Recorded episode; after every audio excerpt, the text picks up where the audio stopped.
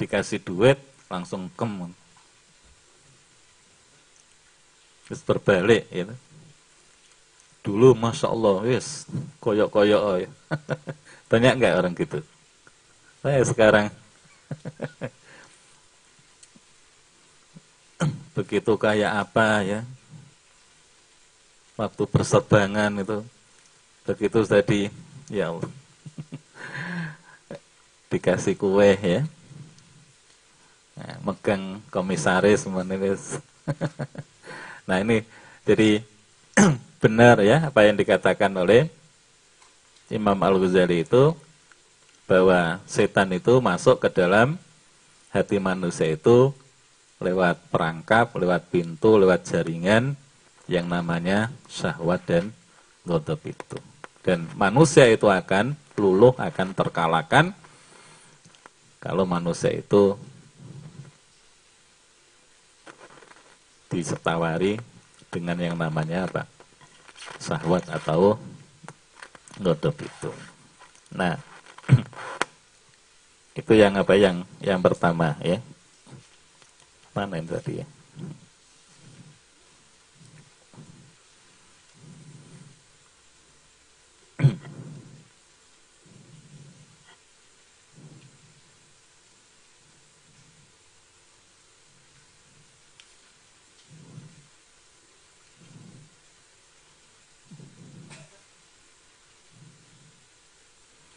Yang kedua, kata Al-Ghazali, setan itu akan masuk ke dalam hati manusia itu lewat pintu yang namanya al-hasad wal hirs ya. Hasad dan rakus. Jadi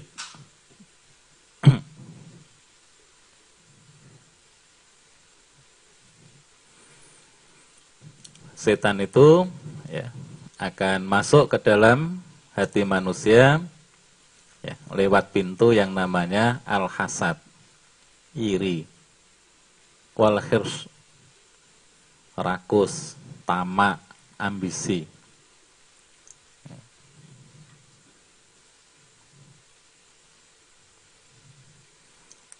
Jadi kalau Nabi, ya, Nabi itu pernah mengingatkan kepada kita, hubbuka lisyai'i yu'mi wa yusimmu itu.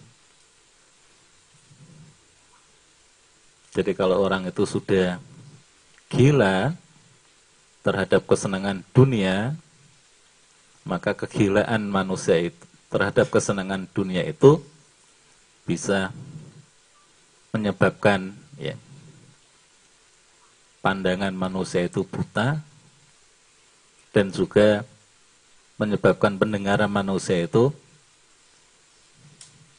apa uh, Kalau pendengaran apa? Tuli, ya, nah, tuli. Wayukmi, ya.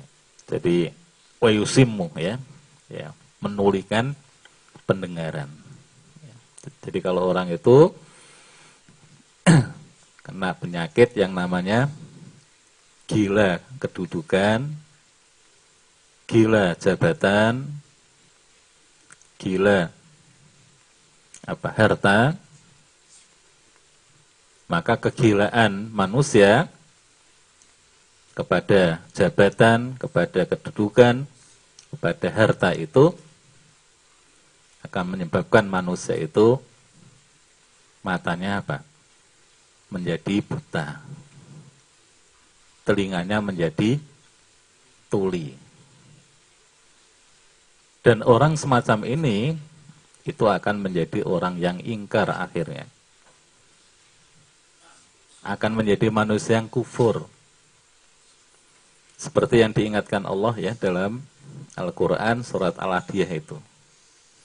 Innal insana li rabbihi lakanud wa innahu ala dalika lasyahid wa innahu li hubbil khairi lasadid afala ya'lamu idza bu'thira ma fil kubur wa husilama bisudur inna rabbahum bihim yauma idil la khabir ya.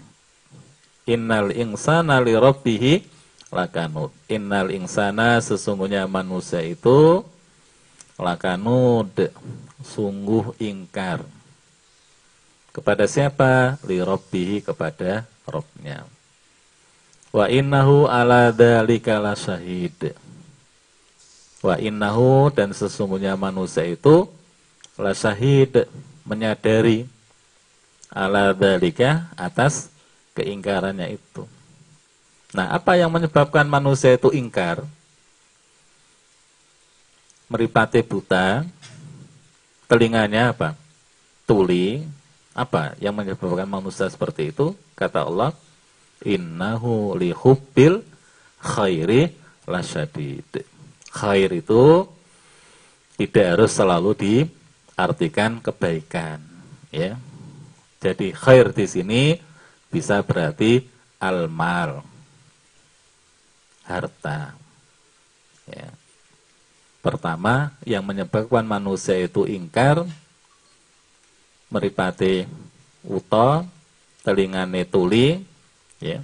Itu dikarenakan manusia itu sangat-sangat gila terhadap harta itu. Jadi kalau manusia itu sudah apa? Gila dengan yang namanya harta itu, kata Nabi dan Allah, maka manusia itu akan menjadi manusia yang ingkar. Matanya akan buta, telinganya akan apa? Tuli. Ya.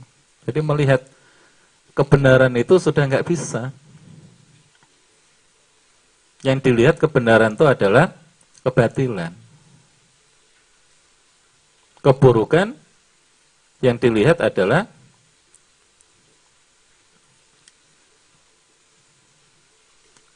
kecantikan. Kemakrufan yang dilihat adalah apa? Kemungkaran. Jadi udah dibalik-balik. Sudah nggak bisa melihat.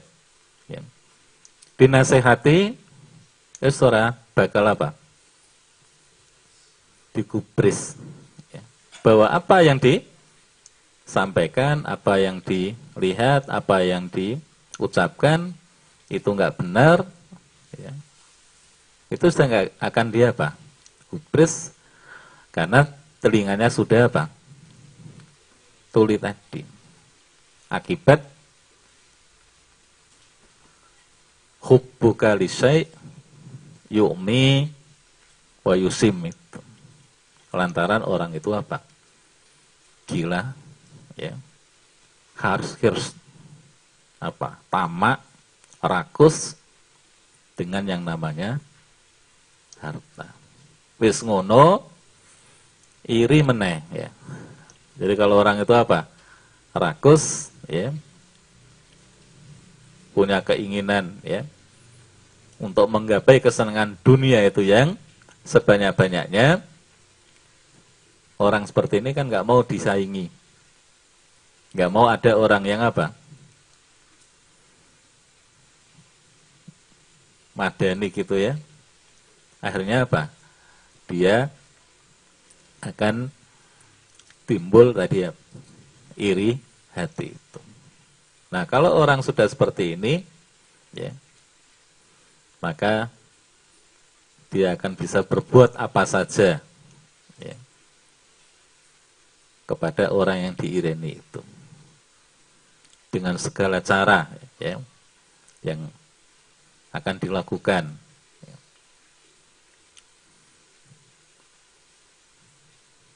Biasanya kalau dulu orang-orang Yahudi itu ya kalau nggak senang dengan atau merasa disaingi oleh orang lain gitu, langsung dia apa? Menggunakan kekuatan jin untuk nyakiti orang itu, untuk mendasakan orang itu lewat ilmu yang namanya ilmu sihir itu, ilmu santet. Ya. Ilmu santet itu atau sihir itu ya ilmu yang pertama kali yang mencetuskan pertama kali itu Yahudi yang hidup pada zaman Nabi Daud alaihissalam. Jadi pada zaman Nabi Daud itu ilmu sihir ini berkembang luas Dan yang mengembangkan ilmu dan munculkan serta mengembangkan ilmu sihir atau ilmu santet ini adalah orang-orang Yahudi itu. Makanya orang Yahudi itu top-top ya. Nah sihir itu apa? Sihir itu tahyirul ahwal. Ya. Tahyiru minal ahwali ila ahwalin ukhra. Ilal ahwali ukhra. Jadi mengubah kondisi seseorang ya, kepada kondisi yang lain. Tadi orang itu ngantuk ya, kena sihir terus apa? Melek gitu. Yang tadinya melek, ngerti-ngerti apa? Ngantuk itu ya, nah, merem gitu. Yang tadinya sehat, ya. Jadi yang tadinya sehat ya, ngerti-ngerti loro. Nah, yang tadinya loro, ngerti-ngerti sembuh. Nah itu.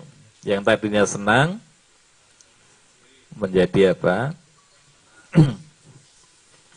benci. Yang tadinya benci menjadi cinta gitu. Itulah yang namanya sihir. Bahkan ada apa? Pengertian sihir di zaman modern ini apa? Iltifatu tarkis. Mengalihkan fokus. Ya. Jadi iltifatu tarkis ya. Jadi mengalihkan fokus. Itulah sihir ya. Jadi sihir itu lembut. Santet itu lembut. Latif, lutfun, halus lembut. Ya. Karena? Karena menggunakan kekuatan jin tadi. Nah, orang Yahudi dulu, ya, itu kalau nggak senang dengan pesaingnya, itu langsung dia apa? Disihir, disantet, biar mereka sakit, biar bahkan mungkin meninggal begitu. Nah, rupa-rupanya karena orang Yahudi itu pinter ya. Dia otaknya apa? Jalan terus, mikir terus ya. Piye carane nyihir manusia itu ya. Satu kali nyihir itu bisa kena apa? Banyak orang itu kalau hanya dengan kekuatan jin kan paling satu dua. Apalagi kalau disihir, disantet itu orang Islam. Nggak bakal kuntal gitu. Kenapa? Orang Islam itu sudah memagari dirinya dengan dikurullah. Ya. Sehingga mental itu. Makanya karena orang Yahudi pinter, dialihkan mikirnya manusia itu. Dengan apa? Dengan iltifatu tarkis tadi. Mengalihkan fokus. Dengan teknologi dia ciptakan. Ya. Terutama adalah untuk saat ini teknologi HP. Ya, kita nggak terasa sihir itu lutfu tadi halus lembut. Oke, enak-enak ngomong karo wong gitu. Kok iso-iso sempat apa? Gini-gini. Tersihir tenan. Oke, enak-enak ngomong karo bapak e, ibu e gitu. Iso-iso sempat-sempat ya. Nah, nah itu kita ini secara nggak sadar tersihir, ya, tersantet. Ya. Dengan santetnya orang-orang Yahudi itu. Makanya sekarang banyak orang yang tersantet. Jadi berhasil orang Yahudi sekarang. Mungkin enak-enak kayak mau sholat ya Allah gitu. Yes, yes komat loh kayak ini. Gue kayak salam, assalamualaikum warahmatullahi megang meneng. Piye karpe?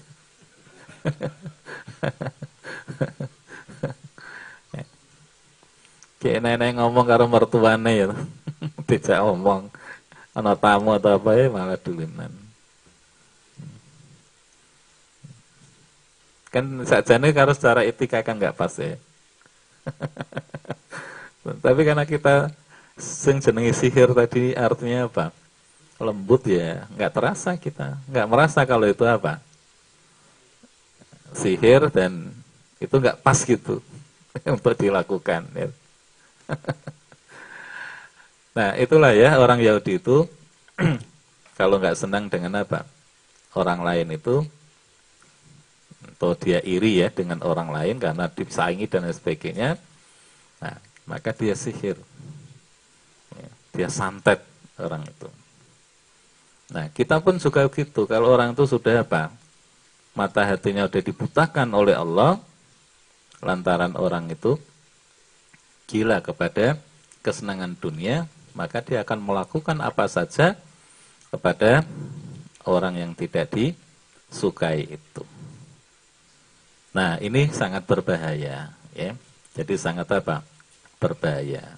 Berarti orang itu, ya, orang kalau seperti itu berarti hatinya bisa dia apa?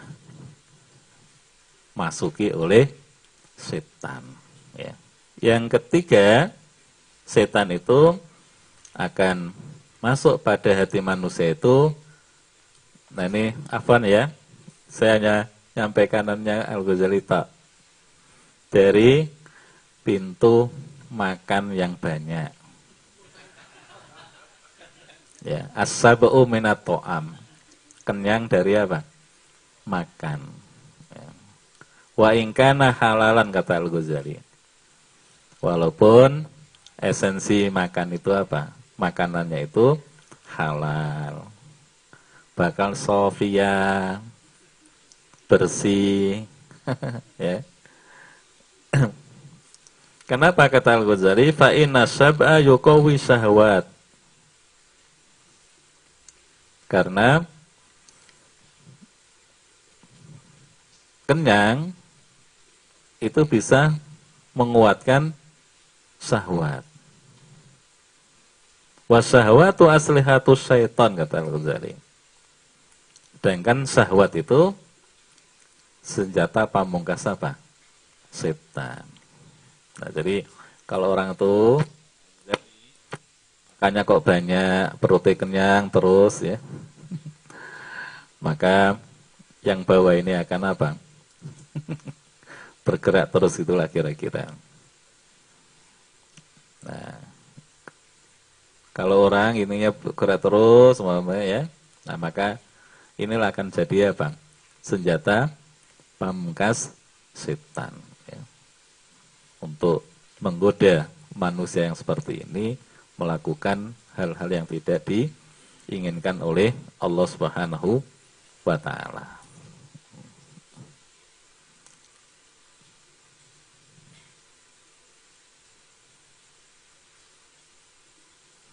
Ini ada cerita ya.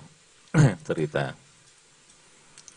Anna iblisa dahuro Yahya bin Zakaria alaihi wassalam. Jadi pada satu ketika iblis itu menampakkan diri di hadapan Nabi Yahya. Ya. Faro'a alaihi ma'alik mingkuli syait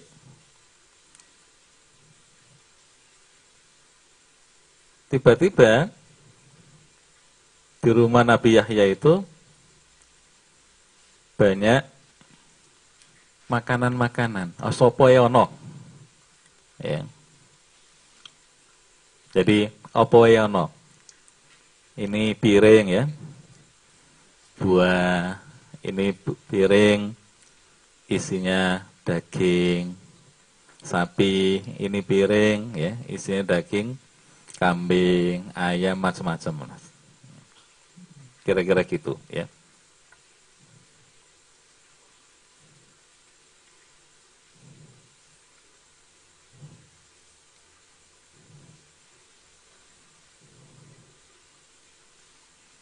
Fakola lau kemudian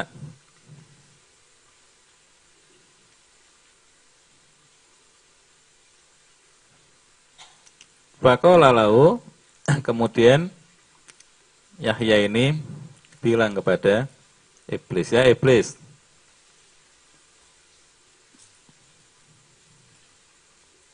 Oh, bukan, bukan. Jadi gini. pada satu ketika ya, iblis ini menampakkan diri di hadapan Nabi eh, Yahya ya. Dengan membawa berbagai macam makanan. Lalu Yahya bertanya, "Ya iblis mahadil ma'alik?" Ini makanan apa wae kok akeh banget. Kok macem-macem. Dijawab oleh iblis, "Hadhihi syahwat." Makanan-makanan ini adalah makanan-makanan yang menyebabkan apa? Syahwat. Allati asabat tubiha ibna Adam yang akan aku timpahkan kepada seluruh manusia. Kata Yahya, fahal fi min hasai apa? Saya juga akan mendapatkan apa? Timpahan syahwat itu wahai iblis. Kola Rubbama sabita fasakolnaka anis sholat. Ya kalau kamu apa? Perutmu apa? Kenyang, maka kamu akan saya apa? Perberat dari mengerjakan apa? Sholat. Jadi wong itu kata gitu. Orang itu kalau perutnya apa? Kenyang, wes digendoli oleh siapa? Iblis, ya Jo, sholat. Sebabnya apa? Kenyang abot. Orang kalau kenyang juga jam 3 suruh bangun ya apa? Berat. Ya. Jadi diberatkan oleh setan itu. Wa anid dikri. Kapan ya apa? Perutmu kenyang, sakol naka, anisolah wa anid zikri. Pasti akan kami apa? Bikin kamu berat untuk berzikir.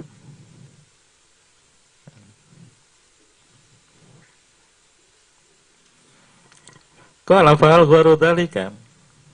Qala la. Qala lilai alayya alla amla. Ala ubatni minat ta'ami abadan. Kata Yahya, oh kalau begitu saya bersumpah kepada Allah, saya tidak akan apa? Pernah memenuhi perut saya sampai perut saya itu apa? Kenyang selama-lamanya. Makanya Nabi Yahya itu kan terkenal orang yang apa? Zuhud. Ya.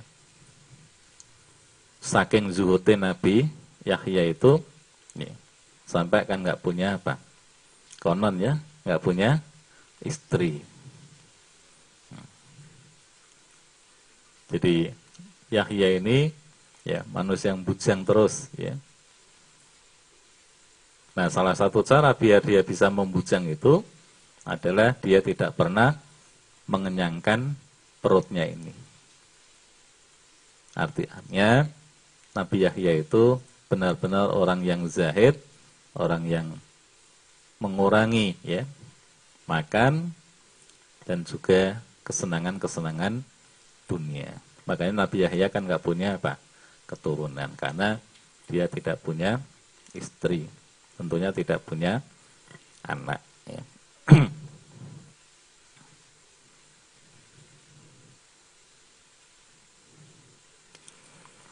lalu iblis, wallahi alaiya ala ansahu musliman abadan. Ya kalau begitu Yahya ya kowe nggak usah woro-woro wong Islam ya, orang lain.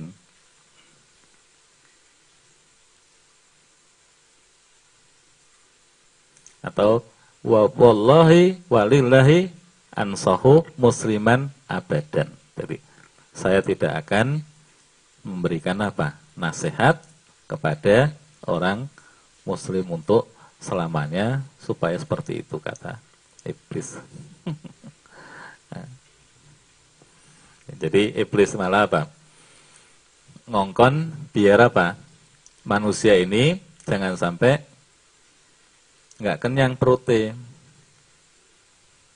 Kita ini dinasehati oleh siapa? Iblis itu biar kita ini kenyang terus begitu. Ya. Banyak makannya. Biar apa? Biar sahabatnya itu menggebu-gebu. Nah ini cara setan untuk apa? Setan yaitu masuk ke dalam apa? Hati manusia itu dengan cara manusia itu dibikin apa? Perutnya kenyang terus biar apa? Biar sahabatnya menggebu-gebu.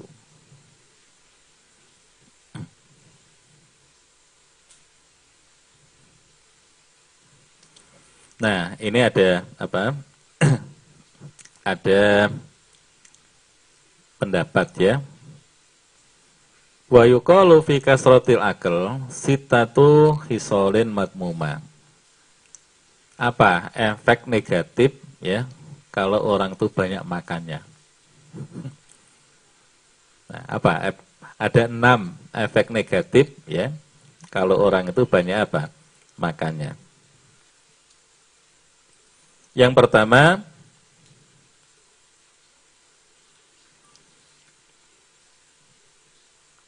akan menghilangkan ya rasa khauf kepada Allah dari hatinya.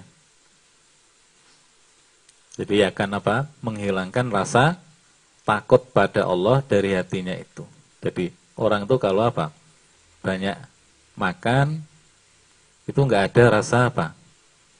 Takut di dalam hatinya itu kepada Allah Subhanahu wa taala. Nah benar atau tidak ini ya?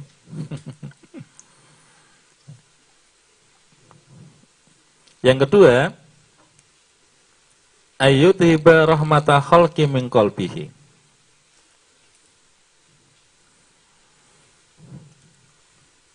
Akan hilang rasa iba kepada sesamanya.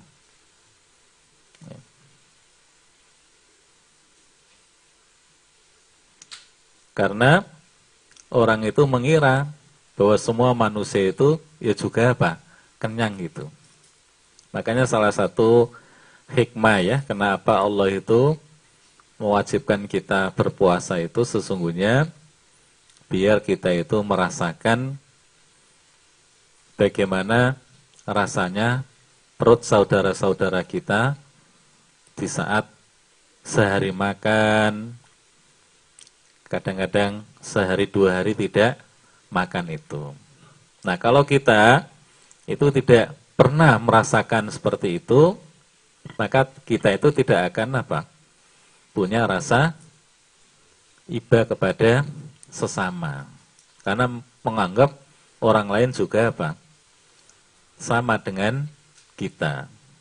Tapi kalau kita pernah merasakan ya lapar pada saat kita puasa itu kita akan punya rasa ibah, rasa ya Allah kalau saya dari pagi sampai sore nggak makan perut saya lapar seperti ini, badan lemas seperti ini.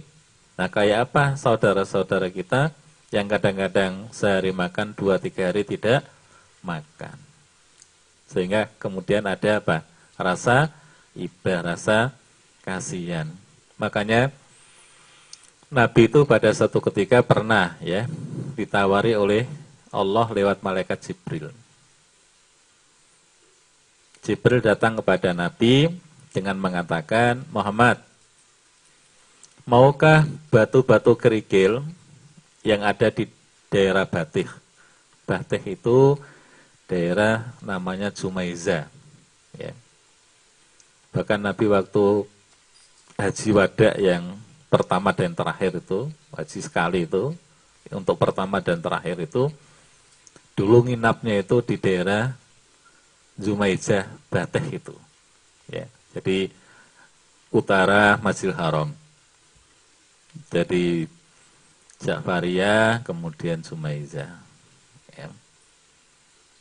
Atau Makla, dekat Makla sana, kuburan Makla. Kalau yang sudah pernah umrah atau haji, ya. Nah, daerah Sumaiza sana, itu ada apa daerah namanya Batih. Nah, kata Jibril, Muhammad, maukah batu-batu kerikil itu disulap oleh Allah menjadi emas? Coba kalau kita ya ditawari begitu. Enggak ada yang apa? Menolak ya. Yes ngebaca ya. Apa jawaban Nabi? Allah Akbar ya. Jangan Jibril. Saya itu senang sehari kenyang, sehari lapar. Ya. Karena Pas kalau saya kenyang, saya itu bisa bersyukur pada Allah. Begitu saya lapar, saya itu bisa tadaruk kepada Allah dan juga ingat pada orang-orang yang enggak punya itu. Karenanya maka dalam hidup Nabi itu kalau kita baca ya dalam kutubusita hadis-hadis kutubus sita itu baik itu Muslim, Bukhari terutama banyak cerita, banyak hadis yang menceritakan Nabi itu kalau dalam hal makan ini kan sering perutnya apa? Kosong ya. Bahkan Aisyah itu pernah ditanya oleh sahabat-sahabatnya itu atau pernah bercerita selama dua bulan berturut-turut di rumah Aisyah atau Nabi itu tidak ada asap. Terus ditanya oleh teman-temannya, terus apa yang kamu makan? Dan Nabi selama dua bulan itu, berturut-turut itu. Kata Isa, hanya air putih dan kurma. Allah Akbar, ya. Padahal itu siapa? Nabi ya ada enggak pemimpin ya, pejabat di dunia modern ini yang seperti beliau itu? Saya kira enggak ada ya. Jadi beliau itu justru apa? Sering laparnya daripada apa? Kenyangnya. Apalagi beliau punya konsep kalau makan itu tidak, eh, dia beliau makan itu berhenti sebelum kenyang. Ya. Jadi makan kalau apa? Lapar. Ya. Nah, beda dengan kita. ya. nggak kenyang apa nggak lapar pun kita makan. Kalau makan pun sampai nggak bisa berdiri kan begitu. Nah, jadi kalau Nabi tidak seperti itu ya. Karena apa Nabi sadar tadi bahwa kenyang itu bisa apa? Mungkin ada benarnya ya. Kenyang itu bisa membuat orang itu nggak punya empati, nggak punya rasa iba kepada orang lain itu. Karena tidak pernah merasakan. Makanya orang itu baru akan merasakan nikmat Allah yang sesungguhnya ketika nikmat Allah itu pernah hilang dari dirinya, dari diri kita ini. Kita belum pernah, manusia itu tidak akan pernah merasakan kalau sehat itu sebagai nikmat dari Allah yang patut dia apa? Syukuri sebelum nikmat sehat itu hilang dari dirinya. Orang baru sadar kalau sehat itu nikmat itu kalau apa ini lidah itu ya Allah mangan makan ini kok apa? Pahit ya. Manis menjadi pahit. Ya berbaring di ranjang. Itu baru orang sadar kalau sehat itu sebagai nikmat dari Allah yang patut disyukuri Begitu juga orang tidak akan pernah merasakan kalau kenyang itu bagian dari kenikmatan Allah Subhanahu wa taala sebelum nikmat sehat itu pernah hilang dari diri orang itu. Orang baru merasakan ya Allah ternyata kenyang itu nikmat ketika orang itu pada satu ketika lapar itu. Ya puasa itu. Baru orang sadar kalau kenyang itu nikmat. Sehingga dia dengan mudah ya memberikan sesuatu kepada orang-orang yang apa? membutuhkan itu. Nah, karenanya maka kata Al-Ghazali ini ya ada dia mencuplik pendapat orang ada lim enam ya. Dampak negatif kalau orang itu banyak apa? Makan. Dan ini jalan setan untuk masuk ke dalam hati manusia itu ya. Yang ketiga makan itu bisa menyebabkan orang itu berat untuk melakukan ketaatan ya kepada Allah Subhanahu wa taala.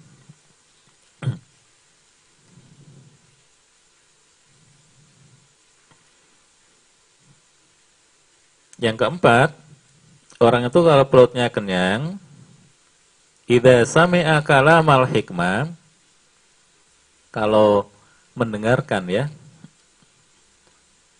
kata-kata yang hikmah apa yang bisa menusuk hati itu ya. Apa kata anu la yajidu lauriko dia nggak mendapatkan apa?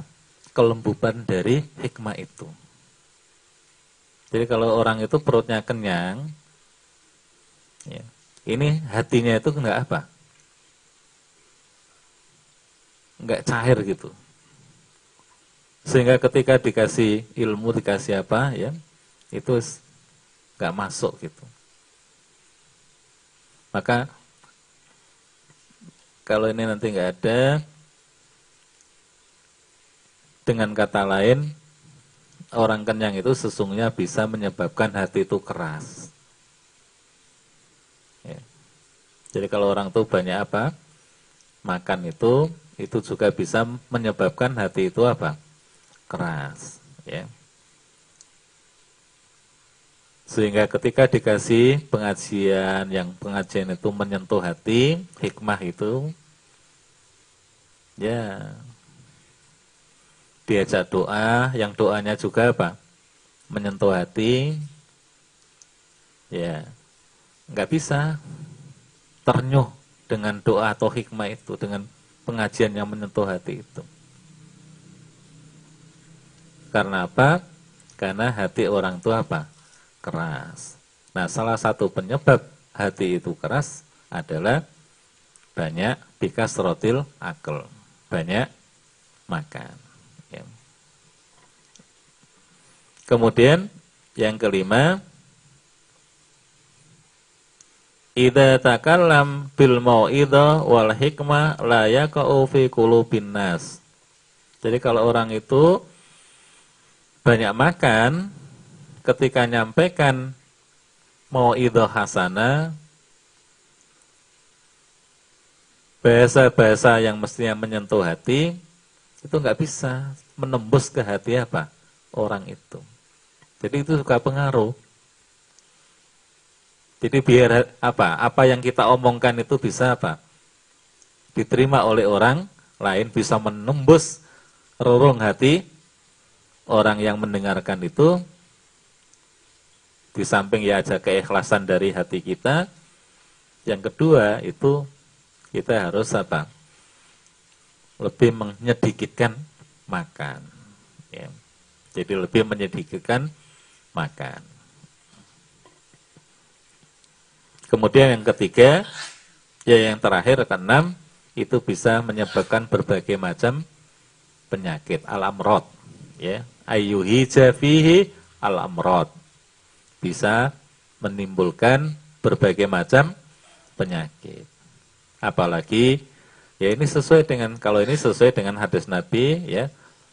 Syarul wi'a al butun. Jadi sejelek-jelek tempat itu adalah perut. Kenapa perut itu kok dikatakan sejelek-jelek tempat? Kenapa aja masuk di dalam perut ini? Dan perut itu nggak pernah menolak. Jadi perut ini, ya, apa aja coba bisa masuk.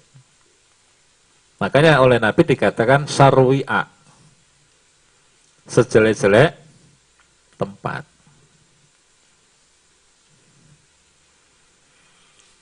baru ada penolakan perut itu ya kalau orang itu ada masalah. Badan itu ada apa? Masalah. Ketika badannya ini sudah memproduksi ya katakan gula gitu. Nah, barulah perutnya itu akan apa? Ada penolakan kalau dikasih makan nasi banyak itu.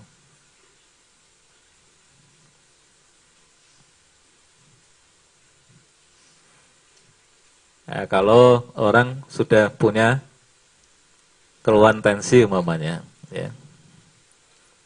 Biasanya kalau makan kambing banyak, ya, itu juga sudah karena apa?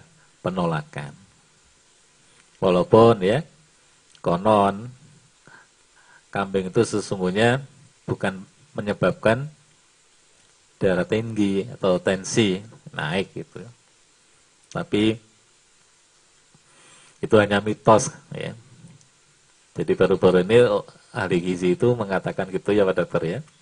Jadi hanya mitos ya. Justru daging kambing itu rendah kolesterolnya dibandingkan dengan daging sapi. Nah, jadi orang kalau baru ada keluhan di badannya itu ya baru akan menolak beberapa makanan. Tapi ketika belum ada keluhan, apa saja bisa masuk. Makanya oleh Nabi disarankan apa? Cukuplah sepertiga ya perut itu diisi makanan. Terus sepertiga untuk air ya. Kemudian sepertiga untuk bernapas itu. Artinya Nabi itu sebenarnya membuat pola hidup itu yang sehat, mengajarkan kepada kita ini pola hidup yang sehat, ya. Nah, cuman kita saja yang apa? Tidak menyadari itu. Karena Ya, kata Yukolu tadi pendapat ini bikas rotil akal itu ayuhi jafihi al amrod. Ya, banyak makan itu akan bisa menyebabkan apa? berbagai timbulnya berbagai macam penyakit. Apalagi kalau orang itu ya gemuk. Tadi seperti saya ini udah melebihi apa? batas. Ya maka sudah kasihan jantungnya. Itu Pak Dokter. Jadi dia kasihan jantungnya. Jadi harus dikurangi. Nah ini sudah mulai mengurangi makan nasi. Jadi kalau malam udah nggak mau makan nasi. Ini aja masih belum turun-tur. nah itu ya. Jadi setan itu sekali lagi masuk pada hati manusia itu lewat as-sab'u to'am. Ya. Makan yang apa? Kenyang itu. Walaupun kata Al-Ghazali makan yang dimakan itu halal bahkan sofia.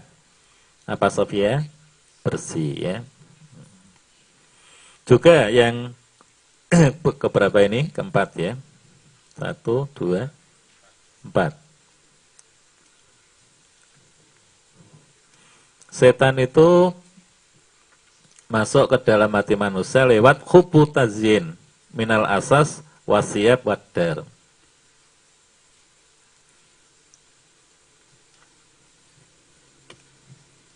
Lewat pintu yang namanya hubu tazyin.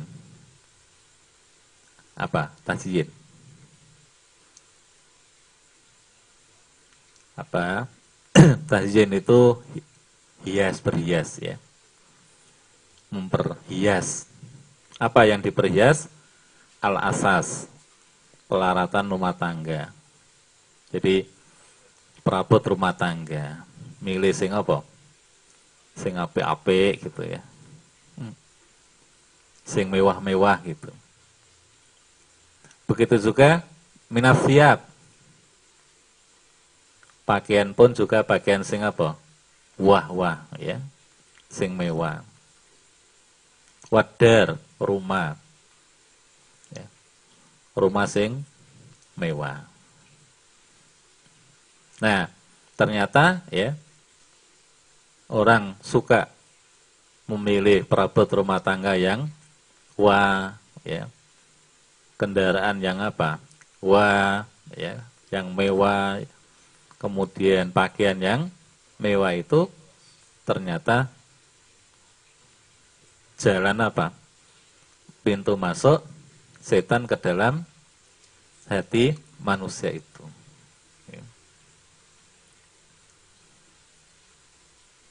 Maka Allah itu tidak menyukai ya apa? kemewahan seperti itu.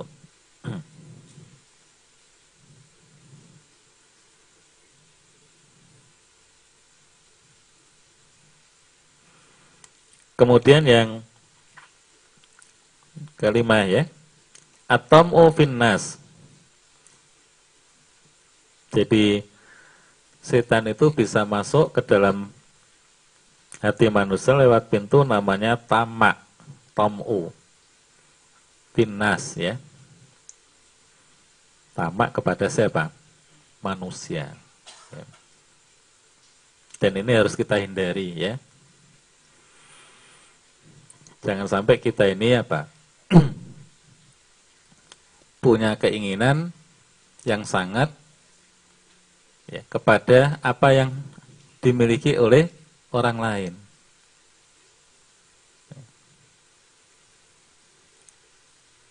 Makanya Nabi itu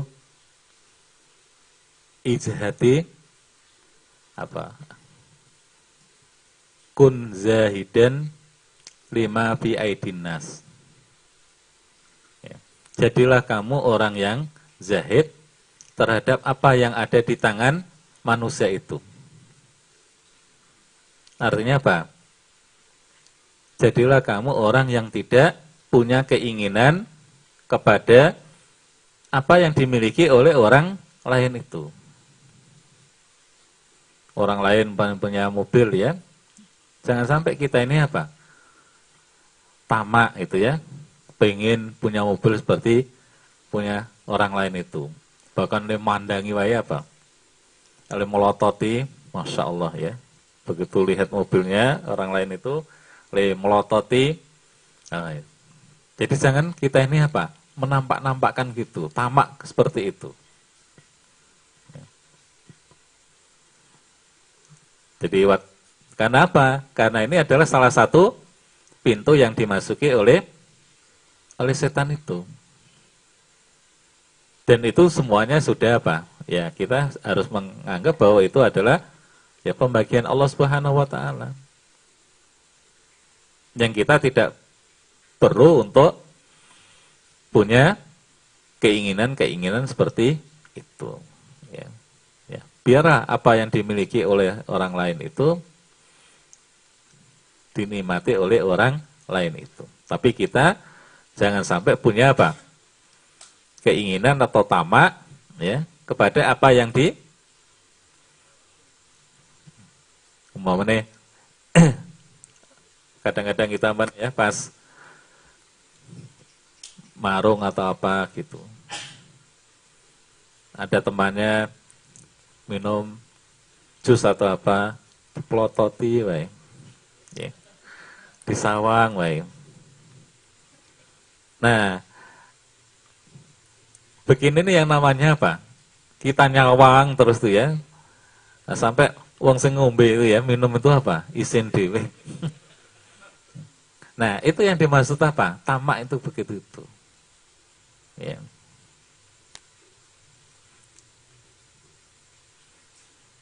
temannya ada katakan punya HP ya, nggak tahu HP-nya kayak apa itu, diawasi, wae. Disawang terus. Ya, ya pura-pura anu kapan ditoleh ya. Tapi begitu yang punya HP ini asik ya, dia sawang aja. Nah, ini seolah-olah kita ini apa? Tamak. Atau mana ya? Ana wong ngitung duit. Ning ngarepe ngono. Ya. Diawasi wae. padahal dia ngitung-ngitung dhewe ya kan, tidak ada kaitannya dengan siapa? Dengan kita. Tapi kita ini ngawasi apa melihat terus orang yang sedang apa? Hitung-hitung duit ini. Nah, kita melihat orang hitung-hitung duit yang itu tidak ada kaitannya dengan apa? Kita, inilah yang dimaksud dengan apa? Tamak itu. Seolah-olah kita ini menginginkan duit yang dia apa? Hitung oleh teman kita atau siapa yang ada di samping kita itu. Jadi, usahakan kita ini apa? Jangan sampai atom ufinas itu ya.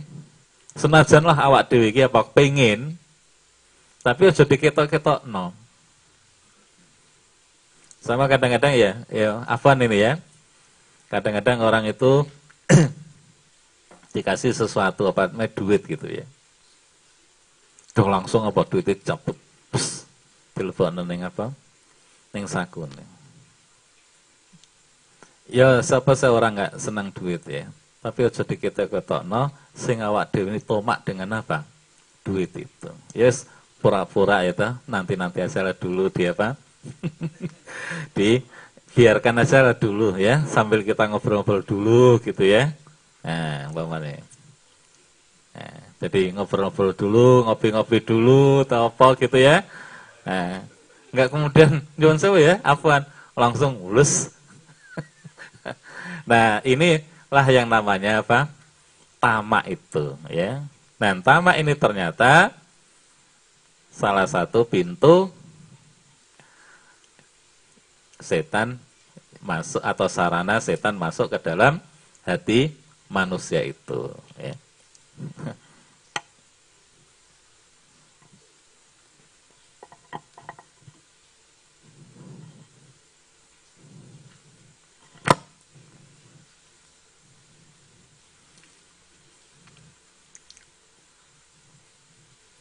Nah, saya kira itu dulu ya.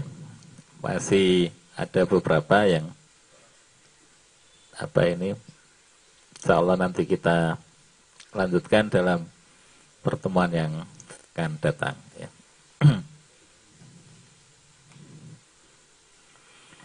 Wallah alam bisawab. Assalamualaikum warahmatullahi wabarakatuh.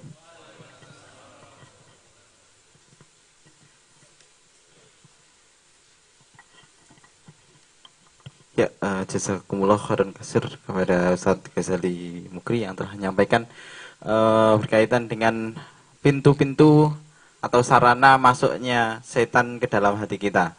Semoga apa yang sudah disampaikan tadi uh, dari lima poin uh, sarana setan masuk dan menggoda manusia itu uh, bisa kita pahami. Selanjutnya bisa kita uh, hindari ya gitu. Termasuk misal tadi disebutkan kaitan dengan makan banyak dan sebagainya semoga kita bisa menjadi lebih uh, baik lagi. Uh, insya Allah uh, sorjan akan dilaksanakan lagi pekan depan di tanggal 14 Senin 14 Januari. Uh, dan apabila nanti jadwalnya sesuai dengan pertemuannya, maksudnya e, pertemuannya sesuai dengan yang awal direncanakan 12 kali, berarti surgeon tinggal tiga kali pertemuan lagi. Insya Allah nanti apabila ada eh, hal-hal berkaitan dengan e, surgeon, akhir-akhir surgeon, entah ujian atau apa, gitu, insya Allah nanti akan disampaikan oleh panitia.